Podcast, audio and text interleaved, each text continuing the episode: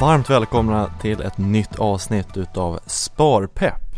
Och i tidigare avsnitt fick ni höra mer om aktier och vad det innebär och vad man ska tänka på när man ska investera i bolag som är börsnoterade och du kan köpa. Eh, idag så ska vi tala mer om fonder och eh, vad det faktiskt innebär och vilka typer av fonder det finns och hur man ska tänka här när man ska välja ut en fond till sin portfölj. Eh, så jag säger återigen välkommen hit eh, Marcus Karlberg. Tack så jättemycket, jättekul att vara tillbaka. I förra avsnittet så talade vi om aktier. Jag tänkte, är det någonting du vill skicka med från tidigare avsnitt? Nej, egentligen inte. Jag eh, hoppas att det var en lärorik, lärorik lektion, svårt ord att säga. Och att det har gett lite inspiration till folk att börja titta på aktier och hur man kan titta på aktier. Precis, och idag ska vi tala mer om fonder och hur du ska bli en bra fondplacerare. Eh, jag tänker, vad börjar med, vilka typer av fonder finns det att välja mellan? I dess grova drag så pratar man om aktiefonder och räntefonder. Och en lite rolig anekdot här, eh, hur man ska veta vad som är vad. Återigen från den tiden jag var rådgivare. Om man ser aktier och räntor som en eh, fisksoppa och aktier då är chili och räntor är grädde så får man fråga, fråga sig hur stark vill du att din soppa ska vara? Ju mer chili, ju mer styrka, ju mer grädde, ju mindre styrka. Och det är samma sak då i ens fondsparande. Ju mer aktier, ju mer volatilitet, ju mer svängning, ju mer räntor, ju mindre volatilitet, ju mer stabilitet. Det var en intressant jämförelse om man gillar fisksoppa. Hur vill du ha din fisk fisksoppa? Jag föredrar min stark såklart. Ja. Bra, jag tänker aktiefonder, vi börjar där. Vad innebär det? Jag pratade ju om enskilda aktier i förra avsnittet. Eh, en aktiefond är då en portfölj bestående av flera olika aktier. Alltså ett färdigt paket som du får från banken om du vill köpa eller om du vill investera i just aktier. En svensk aktiefond kan ju då i teorin till eh, innehålla mer än 100 företag. Det finns amerikanska aktiefonder, det finns europeiska, asiatiska, kinesiska. Det finns olika typer av företag, om det så är etiska, mindre bolag, små och stora bolag. Det finns olika fonder lite beroende på vad man är ute efter. Och då får man då en färdig sammansättning av eh, en mix med olika bolag. Det vill säga att man sprider riskerna över flera bolag och flera länder då som exempel. Jättebra, jag tänker också kring när man köper en fond, visst kan du väl investera i ganska många bolag för bara 100 kronor? Oh ja, eh, köper man en fond då köper du inte ett visst antal aktier i varje företag utan det är lite som att man köper en lägenhet. Du blir andelsägare i föreningen och du blir andelsägare i fonden. Du köper en bit av kakan och den kakan fördelas jämnt över flera olika bolag. Jättebra. Eh, sen nämnde du också räntefonder. Vad, vad innebär det? Det är skillnad mellan aktier och räntor. Aktier är ju att man köper en del av ett företag. Räntor är ju att man eh, köper olika typer av vad man kallar för obligationer. En obligation är ju då ett företagslån eller ett lån av något slag att eh, du lånar ut pengar till ett företag och mot det så får du en återbetalning varje år. Här pratar man då om korta och långa räntor i dess grund. Och varför ska man ha räntefonder i, sin, eh, i sitt sparande? Då återgår vi till fisksoppan. Eh, det har ju då att göra med hur mycket man vill att sitt kapital ska svänga. Eh, som jag sa, ju mer räntor, ju mindre svängning. Så det vill säga att aktier är ju den sidan som kan växa. Men om du investerar i både aktier och räntor beroende på hur du fördelar mellan dem så får man titta på den totala sammansättningen. Hur mycket svänger det totala kapitalet från år till annat? För det är skillnad om man har en fördelning på 50-50 eller om man har 100% aktier eller då 30% aktier och 70% eh, räntor. Den förväntade avkastningen, vad som är realistiskt att man får under ett år, ser annorlunda ut beroende på hur den fördelningen ser ut. Och så finns ju den här mixen mellan räntefonder och eh, aktiefond, blandfond. Vad innebär det? Det innebär ju då att eh, du köper en fond som har både aktier och räntor i sig. Det vill säga, säg att du har en 50-50 fond. Då köper du en fond som innehåller 50% aktier och 50% räntor. Du behöver själv inte gå in och placera om varken aktiesidan eller räntesidan. Det gör banken åt dig. Du investerar pengarna, du lutar dig tillbaka och tänker att okej, okay, jag kommer inte behöva pengarna på tio år. Jag låter banken göra jobbet så gör jag det som jag är bäst på.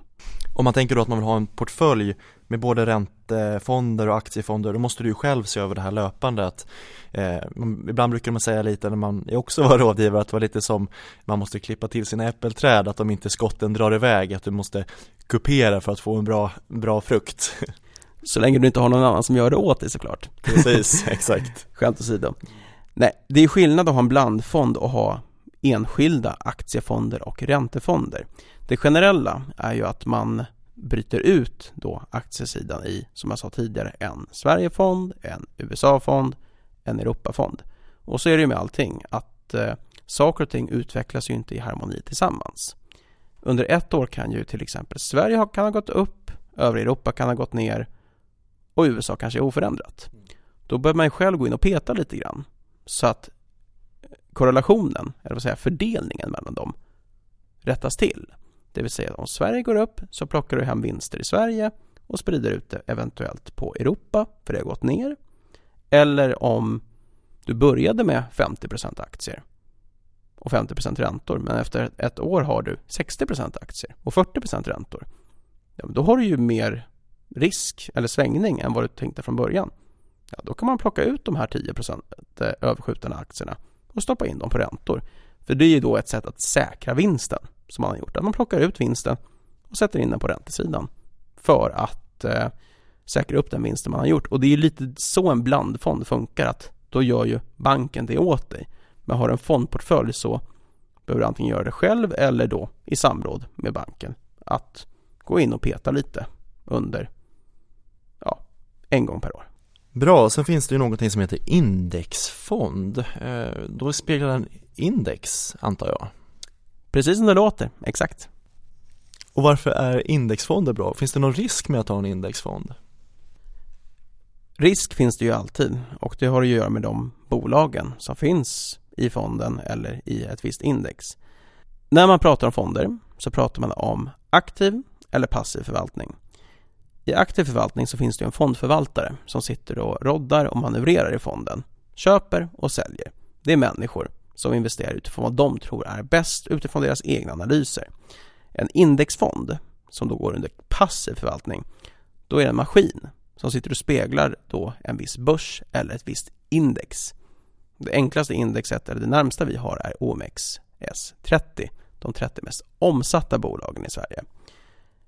Här går man då efter hur mycket omsättning varje bolag har på ett index. Det är det som mäter då hur, att eh, H&M väger tyngre än till exempel Volvo på Stockholmsbörsen.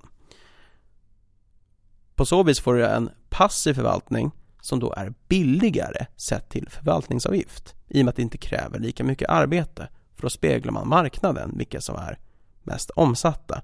Så den årliga förvaltningsavgiften är ju då billigare för det kräver inte samma arbete. Men du får en annan typ av förvaltning, det vill säga att du går efter omsättningen på ett visst index. Och skillnaden där är då hur mycket du betalar varje år. Sen ska jag inte diskutera vad som är bäst för framtiden, för det kan ju bara framtiden utvisa.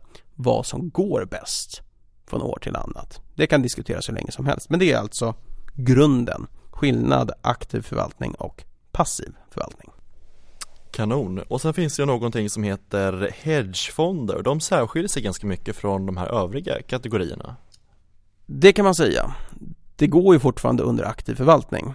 Det är lite på en annan nivå men en inom citattecken vanlig aktivt förvaltad fond det är en fond man investerar, man köper för man tror att det ska gå upp. En hedgefond kan ha lite friare regler hur man får investera i den enskilda fonden. Man pratar om att de får belåna, det vill säga att de lånar pengar för att köpa mer eller att de gör så kallad blankning, det vill säga att de eh, spekulerar på att, ett, ett visst bolag kommer falla i värde. Det är kanske lite överkurs, men man kan säga att den har lite friare regler än vad en eh, vanlig aktivt förvaltad fond har. Sen fick vi in en fråga här från en lyssnare som undrar vad NAV-kurs är för någonting. Precis. NAV står för engelskans Net Asset Value, det vill säga värde per fondandel. Som jag sa tidigare så köper man inte antal aktier utan man köper fondandelar. Det är inte hela tal utan det kan vara en andel, det kan vara 100,67 andelar som exempel med en bostadsrättsförening. Det är alltså värdet per, per fondandel. Och köper man en fond så är det ju kanske inte jättevanligt att du köper exakt 100 andelar utan du köper kanske för 5000 kronor så blir det ett visst antal andelar. Men det är någonting som redovisas. NAV-kurs är värdet per fondandel.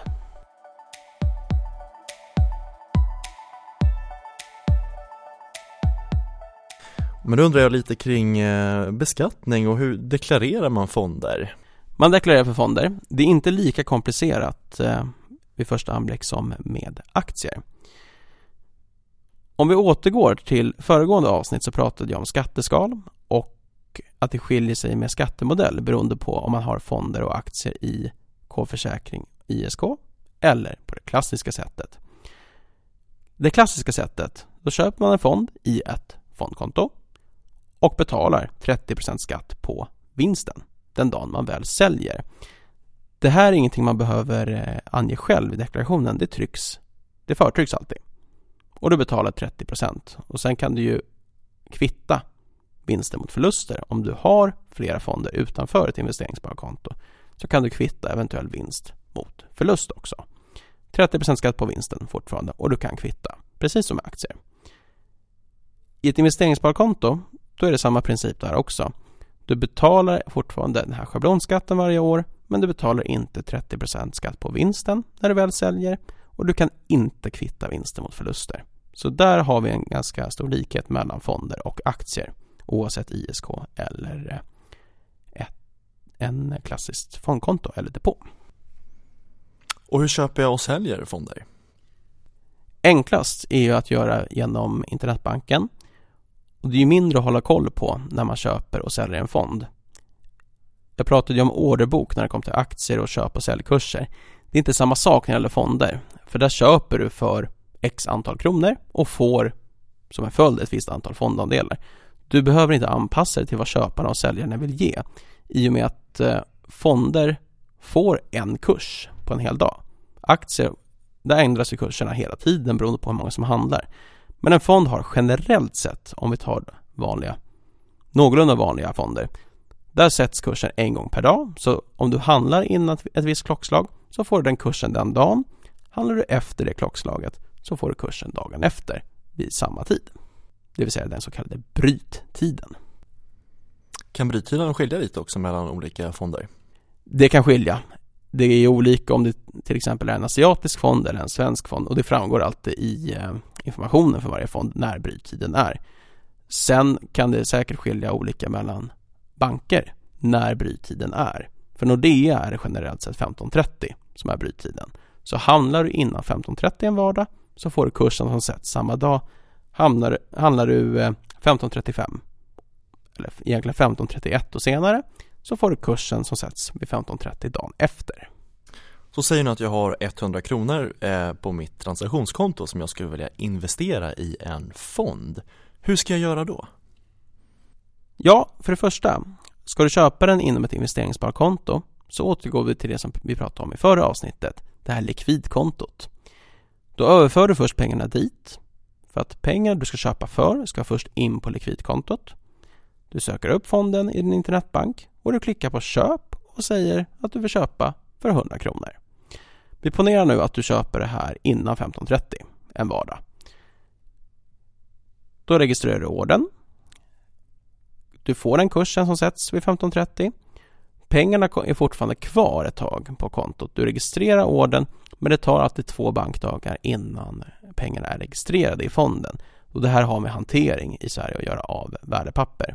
Detsamma gäller ju då aktier också, att det tar två dagar innan det här är helt bokfört i eh, den enskilda fonden eller aktien. Och att du ska inte då ta ut de här pengarna under de här två dagarna. De ligger kvar där, det är beräknat i systemet, men det tar ett tag innan pengarna dras från ditt konto. Så så går det till i praktiken. Så om jag handlar då en fredag innan den här bryttiden så kommer det vara klart till på tisdag? Exakt. Och hur kan jag följa kursutvecklingen på mina fonder? Du följer kursutvecklingen i internetbanken och som jag sa tidigare så sätts ju kursen bara en, en gång om dagen. Så då får man ju kolla senare på kvällen efter att börsen har stängt. Hur har den här fonden presterat då under dagen? Och så följer på så vis en kursutveckling, hur mycket den har ökat eller minskat i kronor eller i procent.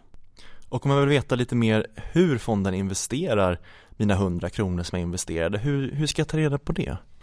Det kan du ta reda på genom att eh, antingen i internetbanken klicka på fonden eller på nordea.se eh, gå in på vårt fondtorg och klicka på aktuell fond så ser du hela fondarbetet med fonden. Hur den investerar, vilka bolag det är, hur vi tänker kring etiska aspekter och miljöaspekter vilka avgifter den har, vilken eventuell riskskala den har. All den information kan man hitta på nätet. Och där kan man också läsa förvaltarkommentarer oftast i fonderna. Ja, det finns där på samma sida också. Och de kan vara ganska intressanta att höra hur de har tänkt. Absolut, det är alltid intressant att höra hur proffsen tänker. Och nu snuddar jag lite vid hållbarhet. Eh, jag tycker ju att det är väldigt viktigt att investera hållbart och med eh, gröna förtecken när jag investerar mina, mitt kapital. Hur, hur, ska jag, hur ska jag investera i hållbara fonder? Vad ska jag leta efter här i Nordea? Det hör ju till historien att vi har ju ett arbete i stort sett alla våra fonder när det kommer till hållbarhet och eh, etik och miljö. Går man in på det här fondtorget och tittar på varje fond så ser man då hur, vad gör vi i den här fonden? Hur försöker vi påverka i just den här enskilda fonden? Sen finns det olika grader av etik och hållbarhet. Det finns så kallade STARS-fonder som tar det här steget längre, som har ett hårdare urval av vilka bolag. Grunden är att vi integrerar med företag, vi försöker påverka dem och vi exkluderar det som inte funkar eller det som vi inte tror på. Nu läste jag bara häromdagen att vi återigen vann pris för eh, bästa eh, arbete med ansvarsfulla investeringar i Europa. Nu kommer jag inte ihåg hur många år i rad det var, men det visar ju bara att vi tycker det här är viktigt för att i min mening ett av de bästa sätten och enklaste sätten att eh, göra skillnad är ju såklart hur man investerar sina pengar. Och finns det större efterfrågan på etik lite så funkar det också i världen att finns det efterfrågan så kommer företaget anpassa sig efter det. Vilket då, då såklart är positivt. Men man kan läsa i alla våra fonder hur vi arbetar med hållbarhet och etik. Det här går ju också att koppla till diskussionen om aktiv och passiv förvaltning som jag var inne på, indexfonder och eh, aktivt förvaltade fonder. Det man ska tänka på om man tittar på indexfonder och tittar på avgifterna är att ja, men det är väl bra på ett sätt att man har en låg avgift. Men i en indexfond, det vill säga passiv förvaltning, så får man som fondförvaltare generellt, generellt sett inte ändra i investeringen. Det vill säga att en indexfond behöver inte vara eh, hållbar och etisk. Utan man måste slaviskt följa ett visst index.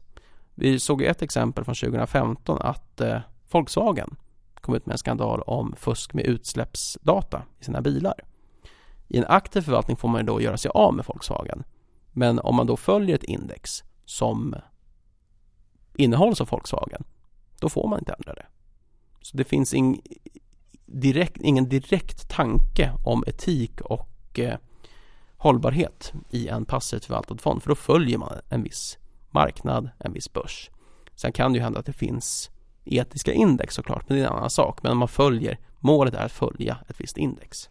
Och vill man veta mer om Nordeas hållbarhetsarbete så rekommenderar jag er varmt att gå in på nordea.se och söka på hållbart sparande. Så kan man faktiskt se när Nordea gör fältbesök eh, runt om i världen och eh, faktiskt eh, ser hur, hur vårt kapital placeras och vilken, eh, vilken stor förändring vi, vi gör med alla de här miljarderna som trycker åt ett håll, åt ett hållbart, eh, en hållbar värld. Absolut. Värt att nämna är att det finns filmer där också som visar då exempel på våra fältstudier och eh, vad vi gör. Så det finns väldigt mycket information som den som, för den som vill gå in och läsa om det. Gör det, jag tycker det är jätteintressant. Och följ vart ert kapital placerar och vart ni påverkar.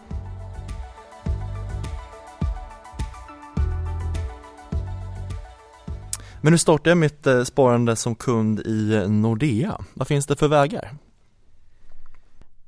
Jag är en väg. Jag finns där på eh, värdepappersdesken och vi har våra eminenta kollegor på kundcenter. I internetbanken så kan man eh, bara på några sekunder få upp ett investeringssparkonto om man så vill.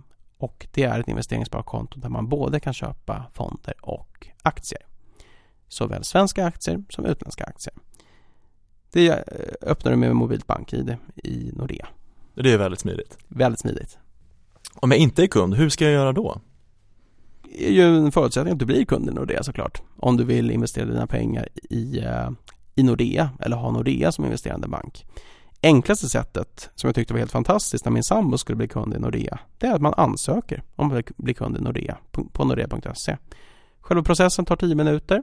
Du skriver i vad du vill ha. Du signerar med BankID så jag tror min sambo fick allting öppet och klart dagen efter. Smidigt. Väldigt smidigt, hon var djupt imponerad. Men Marcus, nu har du talat väldigt mycket om eh, hur man kan gå tillväga och vad man ska tänka på kring sitt sparande. Men vad är ditt viktigaste spartips till lyssnarna? Jag skulle säga att mitt viktigaste spartips är att det finns ingen universal lösning för allihopa. Och det är ganska viktigt att förstå, för vad som är bäst för mig behöver inte vara lika bra för någon annan. Jag brukar alltid ställa frågan, eller gjorde framför allt som rådgivare, vad är viktigt för dig? Vad vill jag uppnå? För det finns inte en lösning som passar allihopa, inte nödvändigtvis i alla fall. Vad är viktigt för mig? Hur vill jag att mina pengar ska svänga i framtiden? Hur involverad vill, vill jag vara? Finns det mer djupgående aspekter jag tycker är intressant? Om det så är avgifter, om det är etik, om det är miljö, enkelhet, vad det nu kan vara. Man får tänka lite grann på vad är viktigt för mig själv? Och sen får man ju inte på något sätt tveka att eh, fråga och be om hjälp för vi jobbar ju för att hjälpa till såklart. Så man kan låta sitt intresse faktiskt avspeglas i det man placerar i? Absolut, och det finns ju ingenting som säger att man inte kan lära sig heller. Det beror lite grann på vilken form, form av involveringsgrad man vill ha och hur mycket man vill lära sig under tiden. Det här är ju ingenting som behöver Det mesta är ju inte skrivet i sten. Bara för att man investerar i någonting under ett visst antal år, år på ett visst sätt så kan man fortfarande gå in och korrigera. För att pengarna är ju inte låsta på det sättet. Vill man gå in och göra förändringar så får man göra det. Och det finns lite olika vägar att eh, investera. Nu har vi talat lite om att man kan göra det här själv via internetbanken men man kan också boka in ett möte eh, online med våra rådgivare eller besöka ett eh, kontor att få ett, ett sparförslag eller investeringsförslag men vi har ju också våran sparrobot eller digitala spar, sparrådgivare Nora eh, där man i, under faktiskt på 10 minuter kan få en, en, en, ett, ett sparråd och en, eh, och en portfölj att placera i för bara 100 kronor. Mm. Och det är det som är viktigt att alla människor är olika så det finns olika kontaktvägar att gå beroende på vad man vill eller känner sig bekväm med. Och vi har de alla vägarna här hos Nordea. Vad gör dig sparpepp, Marcus? Det som är mig sparpepp, det är i första hand på mitt jobb att jag får följa hur det går. Jag har ju ett jobb där jag verkligen följer med i det som händer, inte bara i Sverige men på börsen överlag.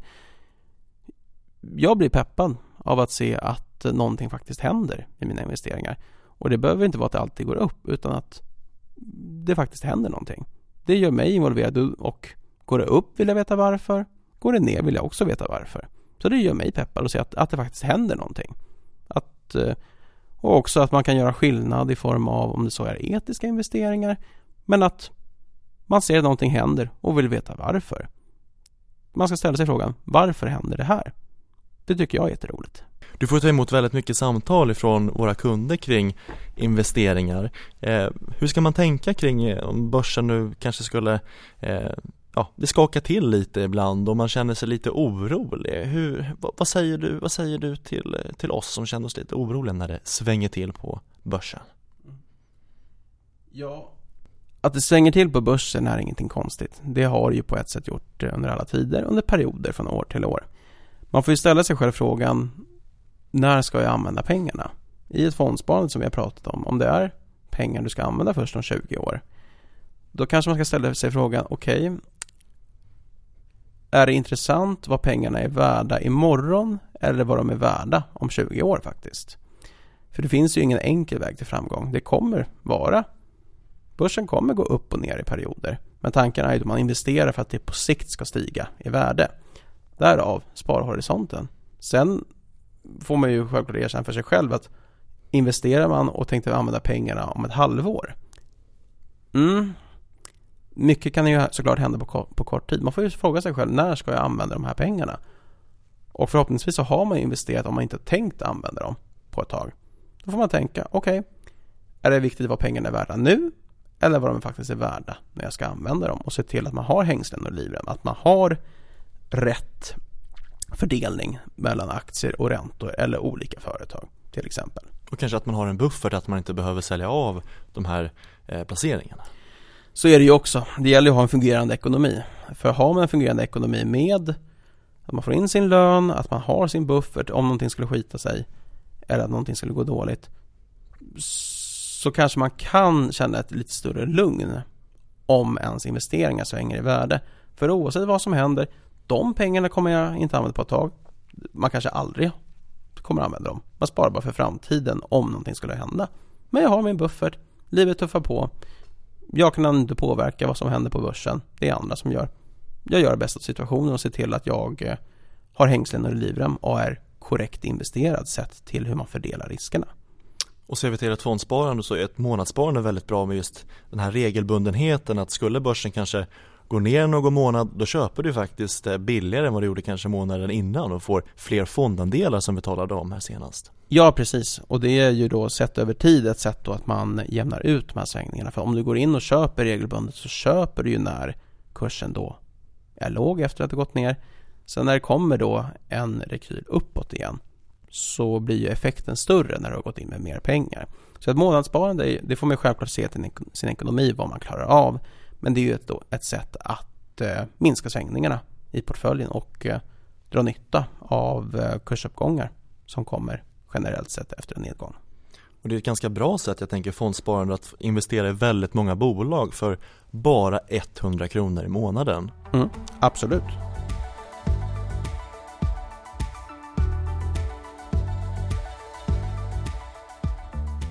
får man fråga, fråga sig hur stark vill du att din soppa ska vara? Ju mer chili, ju mer styrka, ju mer grädde, ju mindre styrka. Och det är samma sak då i ens fondsparande. Ju mer aktier, ju mer volatilitet, ju mer svängning, ju mer räntor, ju mindre volatilitet, ju mer stabilitet. Fick du bra tips på ingredienser till en fisksoppa för att den ska vara riktigt god och kanske balanserad? Det är inga ingredienser jag själv brukar ha i min egen, men hur gör du din fisksoppa då Marcus? Ja, precis som med ens investeringar så är ju chili och grädde basen. Sen kan man spetsa till det om det så är med saffran, om det är med vitlök, om det är med lite färska örter eller om det så är eh, räkor, lax, eh, kolja, lite goda fiskar sådär. Och så får man ha lite goda tillbehör, du får göra en goda aioli, lite, kanske lite parmesanost i och göra riktigt gott eh, bröd till också, gärna hembakat. Sen är det såklart viktigt att fisken såväl som alla andra ingredienser i fisksoppan är kravmärkt och hållbar. En, in, en icke hållbar fisksoppa leder inte till en hållbar värld i framtiden. Och med de spartipsen så avslutar vi veckans avsnitt utav den här fondspecialen om hur du blir en bättre fondplacerare. Så jag vill tacka dig Marcus Karlberg för att du deltog i uppföljningen i fondspecialen med Sparpepp. Tack Daniel, jättekul att vara här. Det är det här jag lever för att jobba med och det är alltid kul att dela med sig av det här också. Så återigen tack.